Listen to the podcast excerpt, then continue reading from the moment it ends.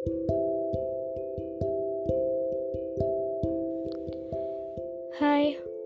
hari ini aku mau ngebahas tentang kata percaya. Tentang bagaimana sulitnya aku mempercayai orang-orang baru. Perihal mempercayai, aku bukan seseorang yang gagal move on pada masa lalu yang disebut mantan. Aku terhitung cepat melupakan, dan bukan orang yang berlama-lama larut dalam kegalauan. Perihal mempercayai, tentang mengapa aku begitu susah untuk mempercayai seseorang.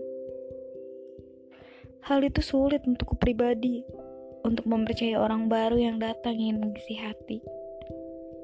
Seseorang yang membuat kehancuran dalam kepercayaan saya, larut membuat saya menjadi sulit mempercayai orang-orang baru. Kecewa yang begitu isak.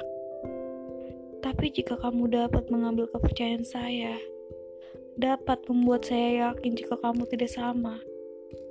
Tolong, jaga kepercayaan itu baik-baik dan jangan dirusak. Terima kasih.